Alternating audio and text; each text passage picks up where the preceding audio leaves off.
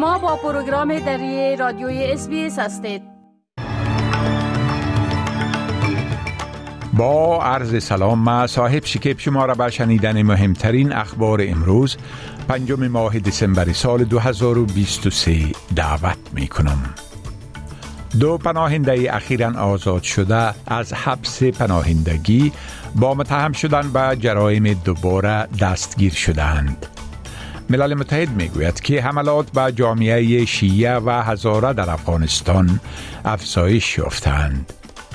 در حالی که بمباران غزه ادامه دارد صدها فلسطینی با پیروی از تقاضای اسرائیل به جنوب آن ناحیه نقل مکان کردند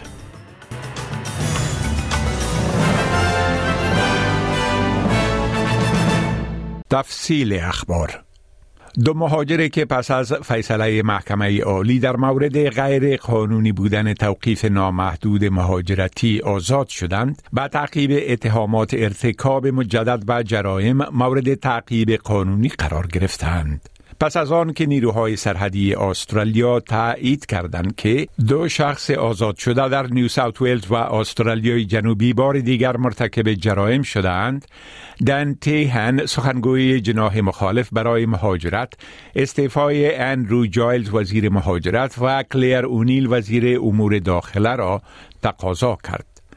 یکی از این اشخاص پس از متهم شدن به جرم تجاوز جنسی جدی هنوز هم در توقیف به سر می‌برد. حکومت فدرالی در هفته جاری اصلاحات را در قوانین وضع شده برای مقابله با پیامدهای تصمیم محکمه عالی که حبس نامحدود را غیر قانونی دانست و منجر به آزادی بیش از 140 زندانی شد به وجود خواهد آورد. حکومت فدرالی برای مقابل شدن با ایالات در مورد بودجه طرح بیمه ملی معلولیت معروف به NDIS است که این موضوع فردا در کابینه ملی مورد بحث قرار خواهد گرفت. قرار است بل شورتن وزیر NDIS این هفته نتیجه یک بررسی درباره این طرح را نشر کند که پیش بینی می شود سال آینده بیش از 50 میلیارد دلار مصرف خواهد داشت. انتظار می رود که حکومت فدرالی فردا برنامه های را برای حکومات ایالتی فراهم کند تا آنها خدمات حمایتی بیشتر را در خارج از NDIS عرضه نمایند با وجود اینکه ایالات در برابر این اقدام مقاومت می کنند. آقای شارتن ابراز امیدواری می کند که اختلاف با آنها حل خواهد شد. all the funds are getting through to the people for whom the scheme was designed. We want it to be a more human, less bureaucratic experience. I think people of goodwill at the states and all levels of government can work together on this. So, you know, I remain uh, quietly positive that some of the changes that need to be made will be. در حالی که بمباردمان غزه توسط نیروهای اسرائیلی ادامه دارد صدها فلسطینی با پیروی از تقاضای اسرائیل برای کوچیدن به جنوب غزه به منطقه پرنفوس موسا رسیده و در پناهگاه های موقت در وضعیت قلت تدارکات جابجا شدهاند. در این منطقه که یکی از کمپ های آوارگان در آن قرار دارد مردم به خاطر کمبود جای در کنار سرک ها خیمه می‌زنند یا در موترها میخوابند.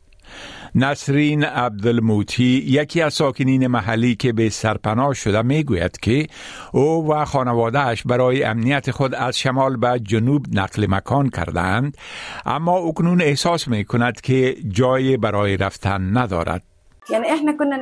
We were sleeping at 5 a.m. when we felt things collapse. Everything went upside down. I am here only with my divorced daughter and a two year old baby. They told us to move from the north to Khan Yunis, since the south is safer, and now they've bombed Khan Yunis. Even Khan Yunis is not safe now, and even if we move to Rafah, Rafah is not safe as well. Where do they want us to go? We are tired and will remain in our lands, houses. وزارت صحت در غزه می گوید که شمار کشته شده ها در اثر حملات نیروهای اسرائیل از مرز 15500 گذشته و بیش از 41 هزار نفر زخمی شدند.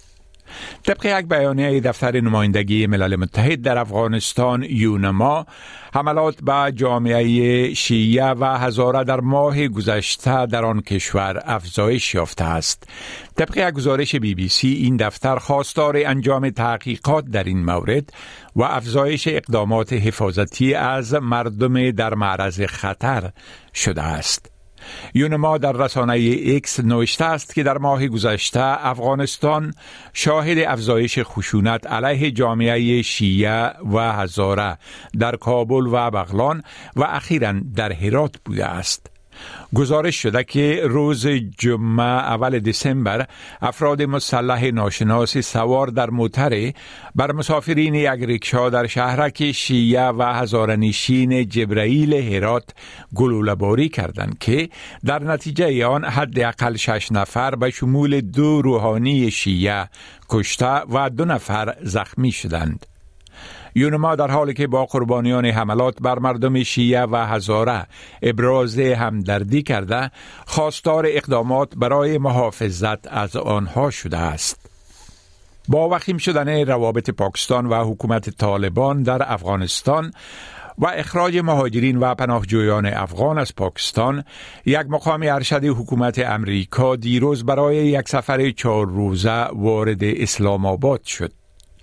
طبق گزارش صدای امریکا جولیتا والتس نویس معاون وزیر خارجه امریکا در امور نفوس پناهجویان و مهاجرین در مورد تسریع برنامه اسکان مجدد افغانها در امریکا با مقامات پاکستانی و نمایندگان سازمانهای بین المللی دیدار و گفتگو خواهد کرد.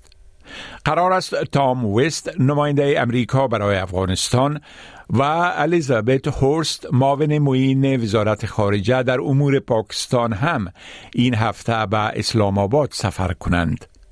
امریکا و بعضی از کشورهای دیگر در مورد ادامه روند اخراج افغانهای فاقد اسناد قانونی از پاکستان ابراز نگرانی کردند.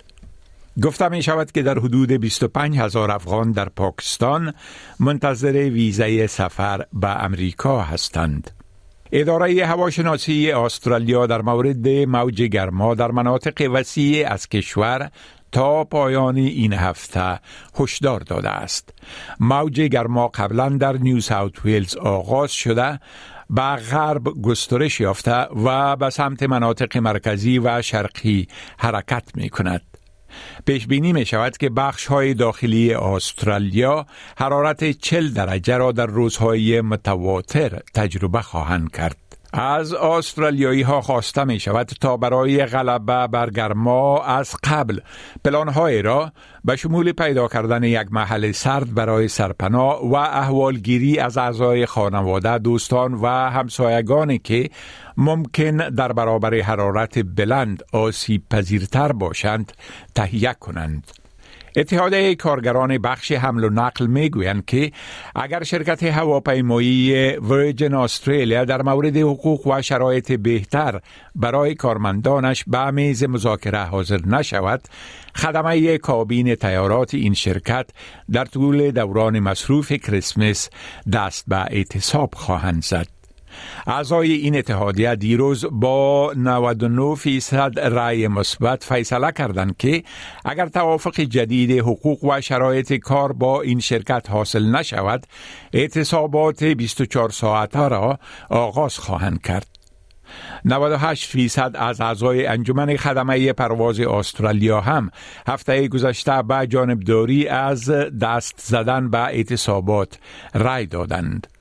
مایکل کین منشی ملی اتحادیه کارگران حمل و نقل گفت که کارگران این شرکت هنگام ورود شرکت به مرحله تسلیمی داوطلبانه مدیریت امورش به دسته ناظر در طول همگیری به این شرکت وفادار ماندن و آنها تا هنوز حمایت مشابه از شرکت به دست نیاوردند.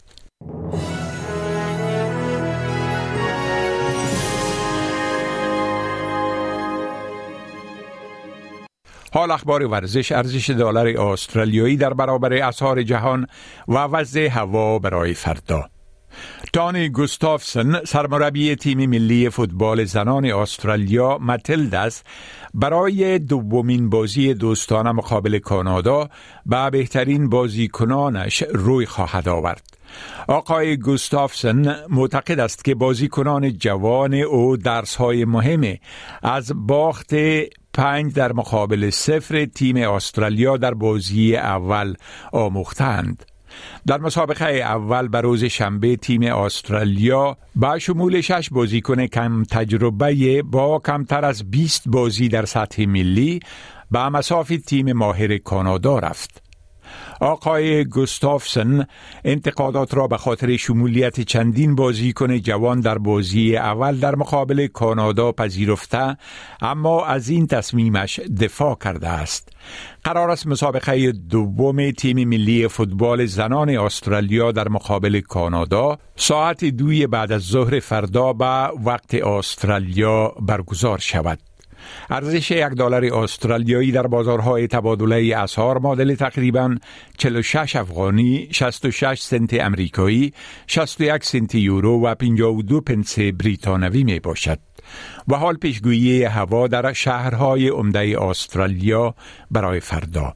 ملبورن نیمه ابری 22 درجه سانتیگراد سیدنی اکثرا آفتابی 26 درجه سانتیگراد کمبرا آفتابی 33 درجه سانتیگراد بریتبون آفتابی 31 درجه سانتیگراد ادلید نیمه ابری 32 درجه سانتیگراد پرت آفتابی 30 درجه سانتیگراد هوبارت نیمه ابری 21 درجه سانتیگراد و داروین بارش و احتمال طوفان 34 درجه سانتیگراد این بود تازه ترین اخبار از program دری رادیوی اس بی اس